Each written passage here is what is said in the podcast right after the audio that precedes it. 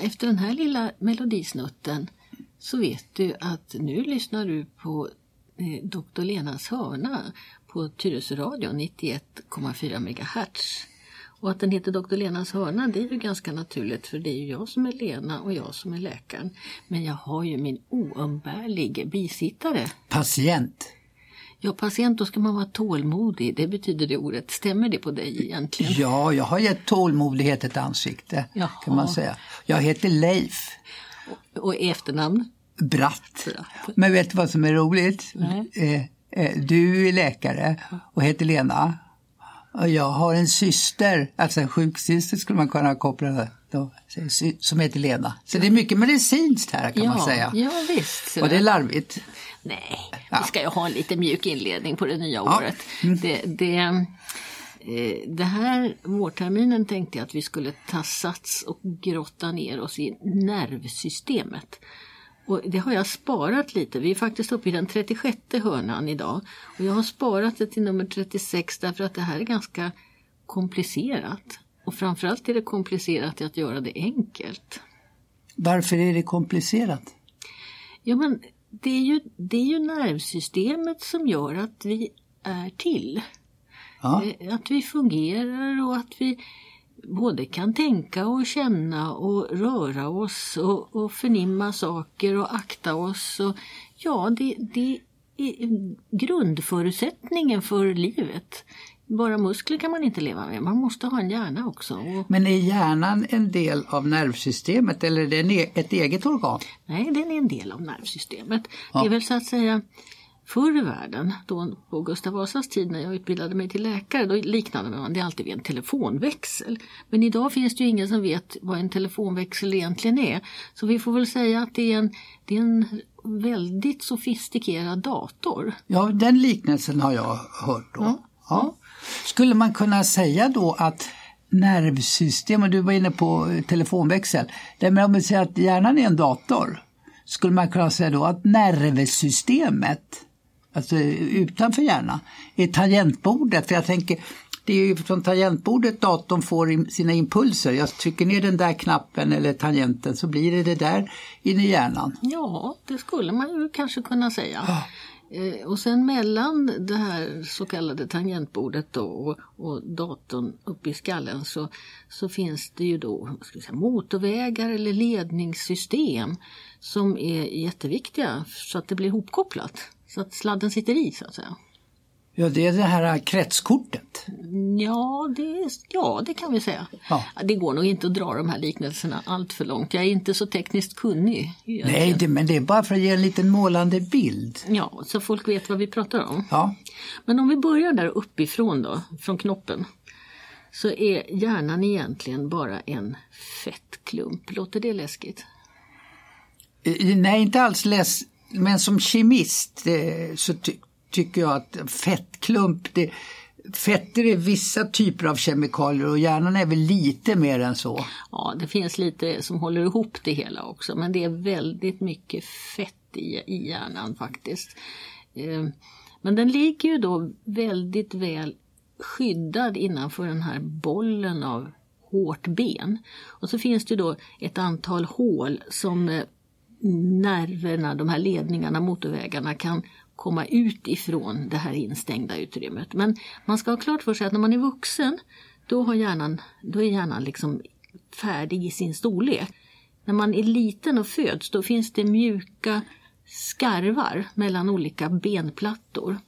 Så att barnets hjärna ska kunna växa och bli den hjärna som, som man sen ska ha. Och hjärnan är inte riktigt klar faktiskt förrän uppåt i 25-årsåldern.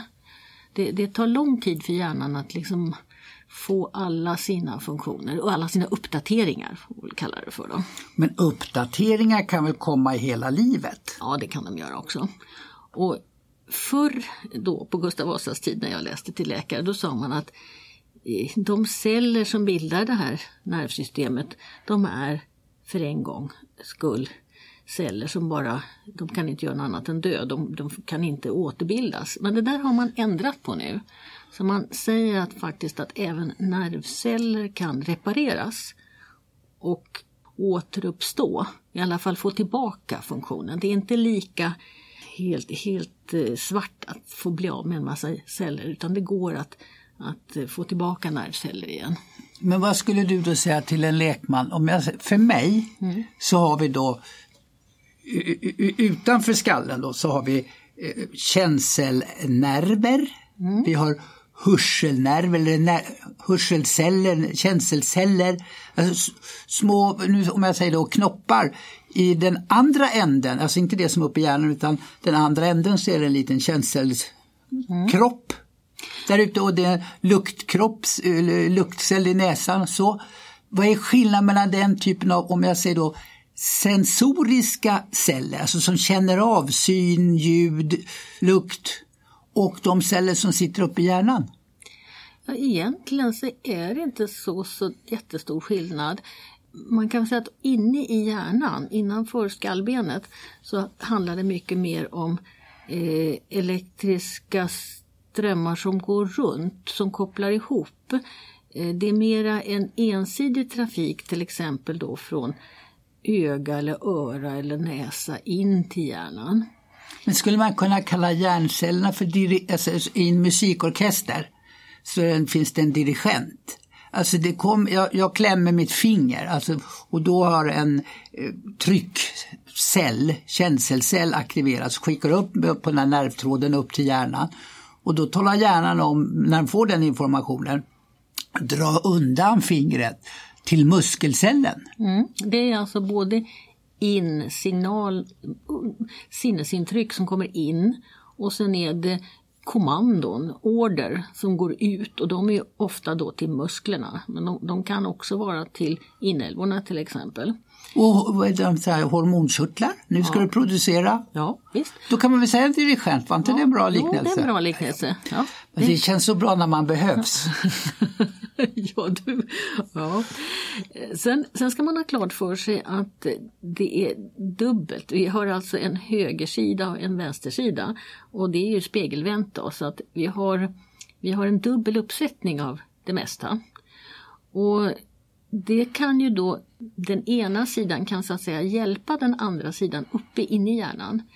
Och det där är också sånt som när man då skadar sig på ena sidan av kroppen längre ner, gör illa en fot eller en hand, så kan man också då med hjälp av den andra sidans fot eller hand eh, kompensera eller till och med träna upp den sida som är skadad. Så det finns en, en tvärförbindelse inne i hjärnan. Det är inte två halvor som inte har någon kontakt utan tvärtom, de sitter ihop inne i hjärnan med en ganska grov takbjälke, om man vill kalla det för. Mm. Sen finns det inne i hjärnan eh, grottor, hålrum med vätska. Och det är något som de flesta människor inte har en aning om. Vi har, vi har ganska många hål inne i hjärnan som, som, där det ska vara vätska. Och det, det är en blandning av näringsvätska och vätska som innehåller olika eh, kemiska substanser. Du, eh, jag hoppar lite tillbaka till eh, hjärnhalvor som vi pratar om. Och då pratar vi ibland om den högra och vänstra hjärnhalvan. Och jag, ja, jag vill minnas att man pratar om att de hade lite olika funktioner. Och ibland pratar man ju om att män har en sån här eh, fyrkant, ja, alltså bildligt eh, talat, fyrkantig hjärna, lite så här logik, trångsynt kanske snarare. Ja. Och kvinnor har en mer ja, kreativ, eh, mer, mer eh, känsloladdad hjärna. Jag tror att de där könsskillnaderna är nog lite överdrivna. Ja. Men däremot är det riktigt att de inte är exakt spegelvända. Och det är så att på vänstra sidan eh, vid örat, lite ovanför örat, framåt så har vi ett talcentrum. Och det har vi inget motsvarande på höger sida. Utan på talspråk, både att förstå språk och kunna tala språk, det är en mycket begränsad ö skulle man kunna säga. Och på det som är på vänster sida istället, där är det lite större utrymme för de strukturer som har att göra med känsloliv. Men man kan skada den högra sidan eh, utan att det märks så mycket men det får man en skada på den vänstra sidan så blir det ofta större problem. Men om jag då frågar dig så här då, du ser där vid örat på vänstersidan så finns det, får jag kalla det ett språkcentrum? Ja, det kan vi säga. Ja. Mm. Eller, min upplevelse från skoltiden är ju att några hade lättare för att lära sig språk och andra gick det lite trögare för. Ser då de där hjärn eller språkcentrum lite olika ut? Kan man alltså genom att titta i ett mikroskop eller något slags eh, undersökningsverktyg kan man se skillnad på de som har språktalang och de som är ja, lite... Ja, de som har eh, det som kallas för dyslexi, alltså en, en, eh, ett handikapp när det gäller att eh, få ihop bokstäver till ord eller siffror till tal. Att liksom, att jättesvårt att lära sig läsa, kanske svårt att lära sig skriva. Det, de har, man tror att de har samma språkcentrum eller talcentrum, vad vi nu kallar den där ytan för. Men att däremot den här tvärbalken mellan över till den högra hjärnhalvan, den ser annorlunda ut. Och att man också har lite mer spretigt att det finns celler på andra platser än där de egentligen ska ligga. De har hamnat lite fel. Eller fel, det kan ju vara så att eh, Eh, det är de som har haft lätt för sig att eh, läsa, skriva, räkna som då genetiskt har blivit fler än de som har haft svårt för det i vårt samhälle. Men vad är, är, din uppfattning då? Nu kanske vi spårar ur här men då får du eh, säga för att det tar vi någon annan gång. Jag är ute efter, om det nu är, inte om, nu, eftersom det då är så att vi har olika skicklighetsgrader om jag får använda det ordet. Kan den som ligger lite på efterkälken träna upp? Ja. Eller får vi acceptera att det, det, finns en variation. Nej, man kan träna upp och man kan också vart efter man blir äldre använda andra delar av sin hjärna för att liksom dra slutsatser och minnesfunktion. Och det går att, en, en, en dyslektiker behöver inte vara lika svårt handikappad hela livet utan man kan mycket väl förbättras i den funktionen. Precis som om man har en, en eh, fot som inte riktigt följer med så kan man ju träna upp den. Så att den jo, men jag, jag, är mer ute efter Mozart gjorde en symfoni när han var fyra år. Ja, ja. du menar efter sådana specialbegåvningar. Ja, hur, hur hjärnorna ser ut på specialbegåvningarna det kan jag inte. Det för, det, och jag, jag tror att det har mer eh, man, man, man pratar ibland om att intelligenta människor har större pannlober därför att det är där man drar slutsatser och, och sätter saker i, i ett sammanhang. Men det beror ju alldeles på vad man har för metod när man ska testa. Många av de här gamla intelligenstesterna de var ju väldigt inriktade på kryss och rutor och alltså det som vi kallar spatiala funktioner, hur man ser någonting tredimensionellt i rummet.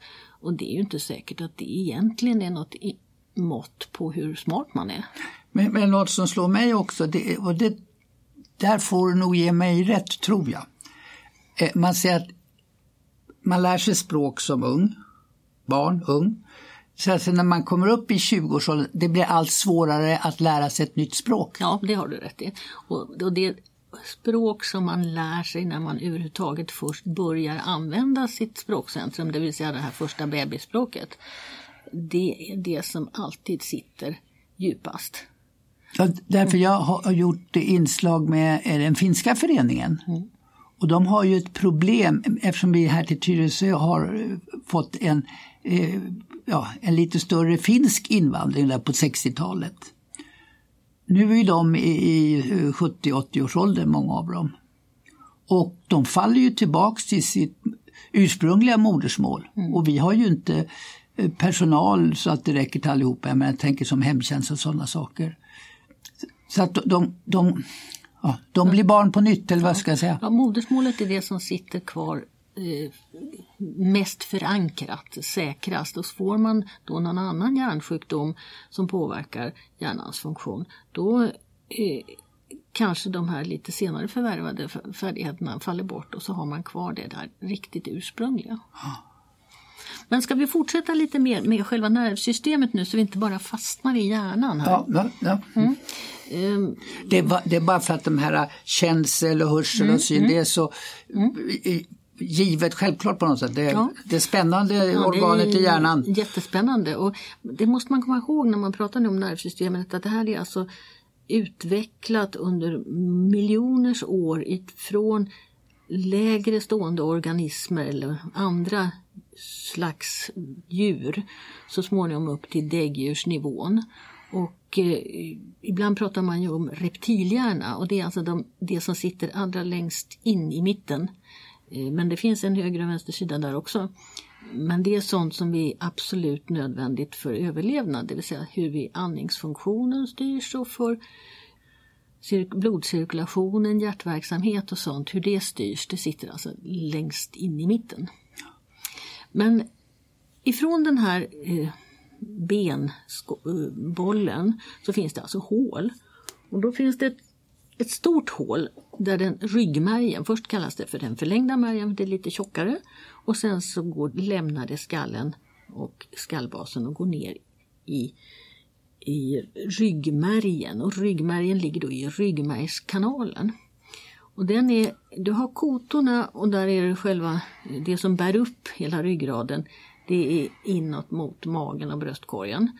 Och sen så finns det då den här kanalen som bildas av att det är varje kota har en båge och då blir det ett hål i mitten där och där går ryggmärgen och den är grov och på varje nivå, varje kotnivå så lämnar det då en grov nerv åt höger sida och en åt vänster sida. Så det blir som någon slags julgran nästan, det går ut grenar på varenda nivå. Sen de här eh, nervrötterna som man då kallar det för, som går ut på, på de olika nivåerna, de, de går ihop i någon slags eh, bunt för att sen delas igen. Och det finns ett stort sånt där samlingsställe uppe i axeln och så finns det ett stort samlingsställe nere vid höften ungefär. Eh, och så finns det ett samlingsställe inne i kroppen i maggropen.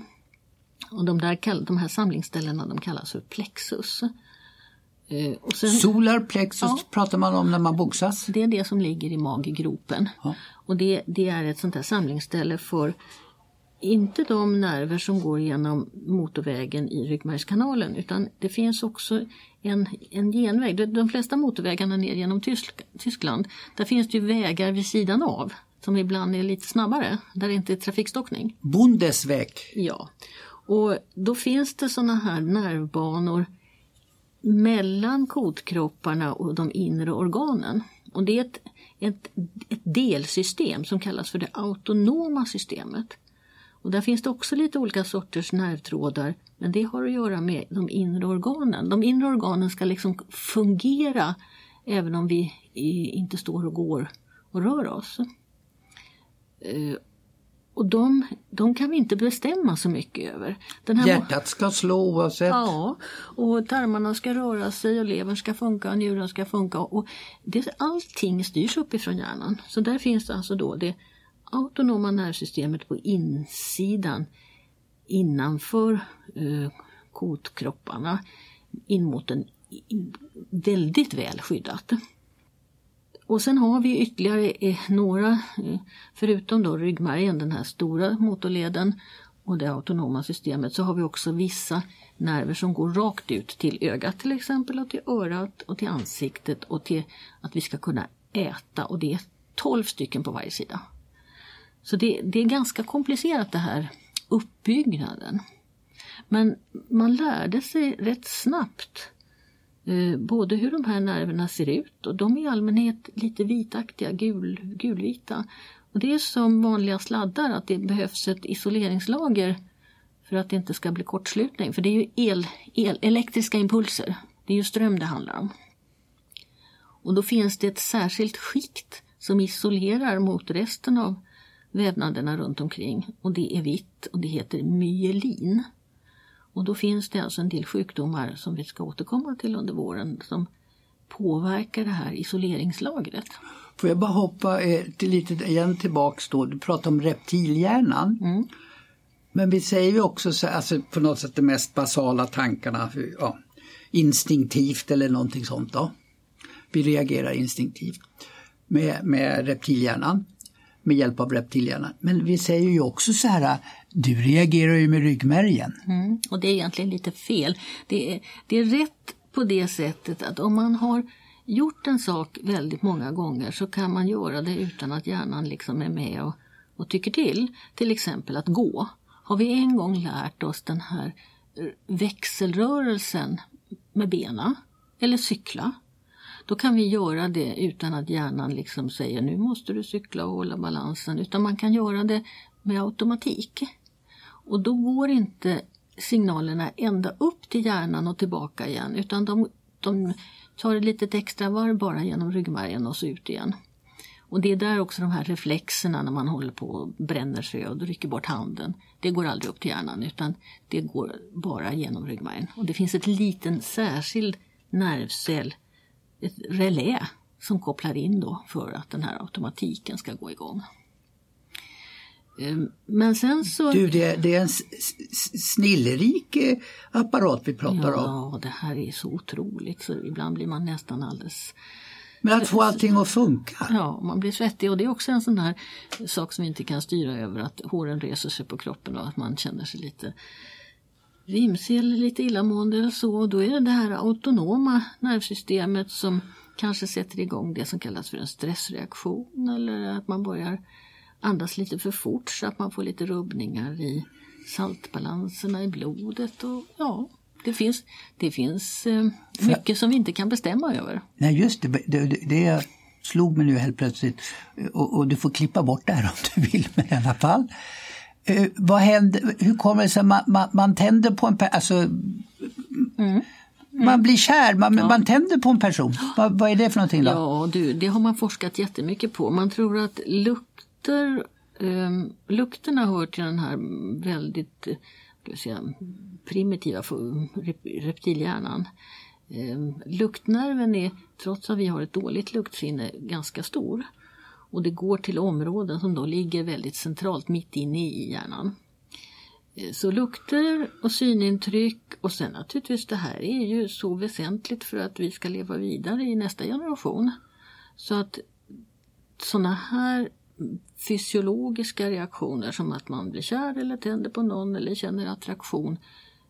Det är eh, Ja, det, det, måste finnas. Om jag ska vara lite vulgär då. då. Jag mm. förstår att det måste finnas om vi ska reproducera mm. oss. Men jag menar, varför är det då en speciell person som eh, jag går igång mer på? Alltså var det bara reproduktion så skulle jag ju kunna tända på mm. Mm. alla. Ja du, nu börjar vi komma till 10 000 kronors frågan. Okay. Eh, det, det, här kommer ju då också in det som vi ska prata lite mer om nästa gång när vi gör ett radioprogram om om eh, tänket och sen så småningom också det som kallas för psyket. Alltså det som, det som väl ändå skiljer oss ifrån många andra djur. Och här finns det då säkert associationsbanor. Man kan ju vara krass och säga att det är elektriska kretsar som är, eh, på något vis har uppstått. Man blir, tycker om någon som liknar ens mamma, om man är kille då, eller man tycker om någon som liknar ens pappa det, det har varit, om man då har haft ett bra förhållande till sin mamma och pappa ska jag väl säga också. Så att det, det är mycket i det här som vi väldigt svårt att sätta fingret på. Vi får kanske acceptera, alltså Anna, gå och ja. grubbla på det här hela tiden. Då. Nej, och man kan inte leta partner på det sättet heller. Men däremot så ska man väl vara lite öppen för att om man nu känner att här klickar det. Ja. ja men då kanske det är grunden för ett bra förhållande. Ja. ja. Klickar det inte från början så har det väl sämre förutsättningar att bli ett bra förhållande. Ja. Ja, sen, sen om vi fortsätter ut i kroppen då. Du var ute till det här ända ut i tangentbordet, ända ut i de små, små. Så småningom, de här nerv, nervcellerna de ligger ju som ett kedjat pärlband efter varann. Som godsvagnar i tåg eller något sånt där hopkopplade. Och så småningom så kommer man ju till där det tar slut. Och då finns det en, i allmänhet en, någon form av känselkropp. Och då har vi fyra stycken. Vi har känselkroppar som reagerar för smärta, för kyla, för värme och för tryck. Och i tryck så finns det också lite special undergrupp för vibration. De, de djur som är mest känsliga för vibrationer lär ju vara elefanter men vi, vi har också ett speciellt vibrationssinne som sannolikt kanske då ska varna oss för jordvävningar, det vet jag inte. Från den känselkroppen så går det då signaler blixtsnabbt tillbaka till hjärnan. Och hjärnan tolkar de här på olika sätt beroende på vad, vad hjärnan har, är van att göra.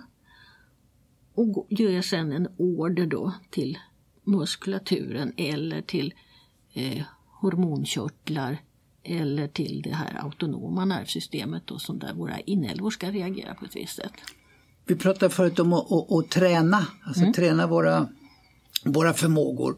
Kan vi träna, om jag börjar få sämre syn, kan jag träna eh, synen då? Eller, eh, träna, bli bättre fingerkänslighet? Alltså, ja, synen är ju väldigt beroende av ljuset. Och där kan man ju då hjälpa sin sviktande syn genom att ha bra belysning. Så ju, mer, ju sämre man ser desto mer ljus ska man ha. Man behöver inte ha förstoringsglas kanske i första hand utan det är ljus som är det viktigaste då. Men jag tränar inte upp själva syncellerna? Nej, det gör man inte. Eh, sen är ju alla de här nervcellerna de är ju beroende av att hela tiden få näring. Och hjärnan är jättekänslig för syrebrist. Hjärnan måste ha syre inom fyra minuter. Där är den kritiska gränsen om man av någon anledning inte skulle få syre till hjärnan. Men hjärnan behöver blod. Hjärnan behöver vitaminer.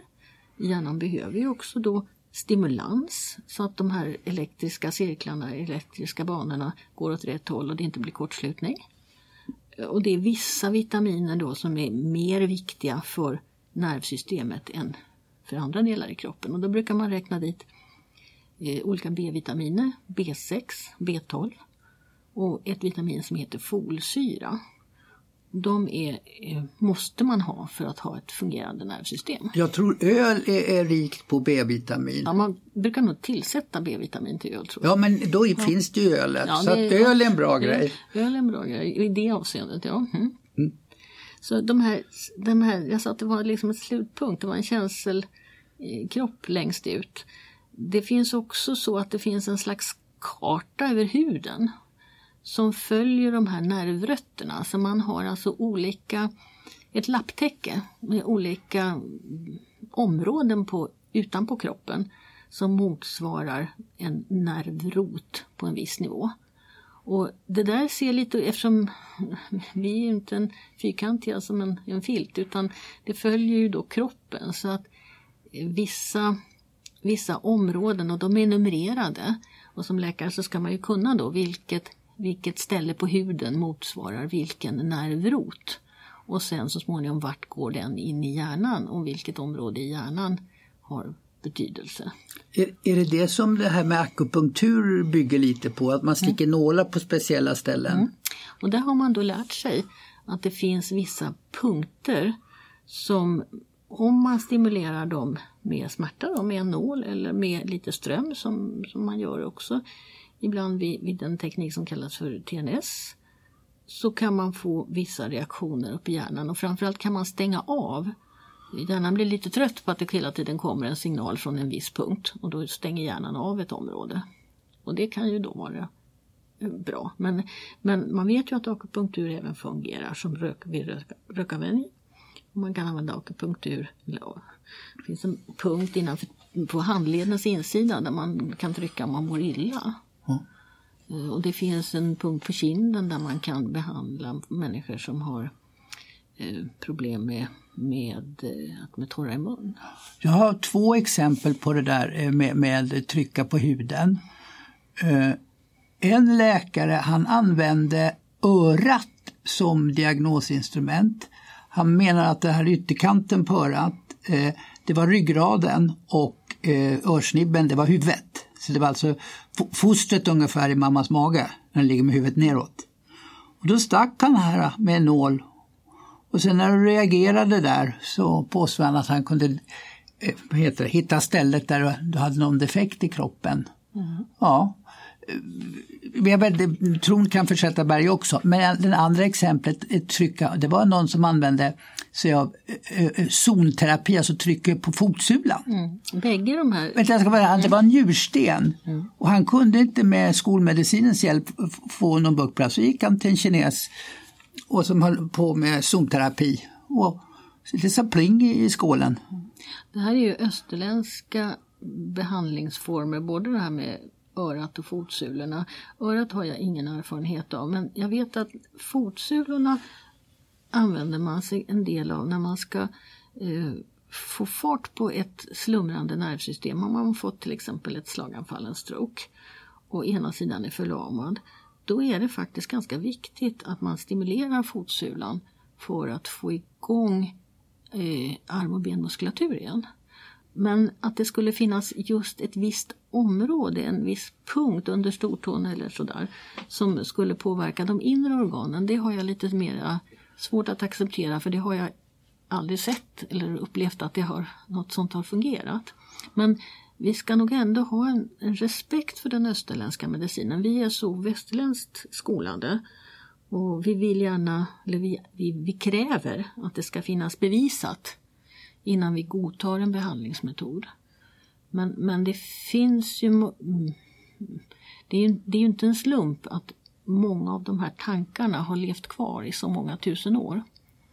Och eh, som sagt, fotsulorna vet jag att, att när man jobbar med människor som är förlamade så är det viktigt att de får stimulans under fotsulan. Men, men det är ju inte samma sak riktigt som att det finns en viss punkt som man ska massera eller sticka en nål eller spruta in någonting i. Mm. Så att det, det, men det, det är nog fortfarande så att en hel del vi inte vet. För det är ju det är elektriska impulser men det är också ett ständigt flöde av de här signalsubstanserna, framförallt inne i själva hjärnan. Och det är ju då kemiska ämnen och där lär vi oss hela tiden nya saker om eh, hur de här kemiska ämnena samverkar eller motverkar eller balanserar varann. Och vi upptäcker hela tiden då olika sjukdomar som får en, en ny förklaring i och med att vi hittar något nytt litet kemiskt ämne som har varit svårt att identifiera tidigare. När du säger kemiskt ämne, är det vad vi lekmän normalt kallar hormoner eller är det någonting annat? Ja, det är både och. Hormoner det, är ju sånt som där man verkligen vet att det har en, kommer från ett visst ställe och har en viss effekt på ett annat ställe. Men signalsubstanserna de är lite mer diffusa och eh, när det gäller smärta som jag har väl hållit på mest med, där finns det någonting som heter substans P. Och den vet man på något sätt är inblandad i smärtreaktion och smärtlindring men man vet fortfarande inte hur. Men man har känt till substans P ända sedan 30-talet. Så nästan 100 år har vi vetat om den men vi vet fortfarande inte riktigt vad den gör, vad den har för betydelse.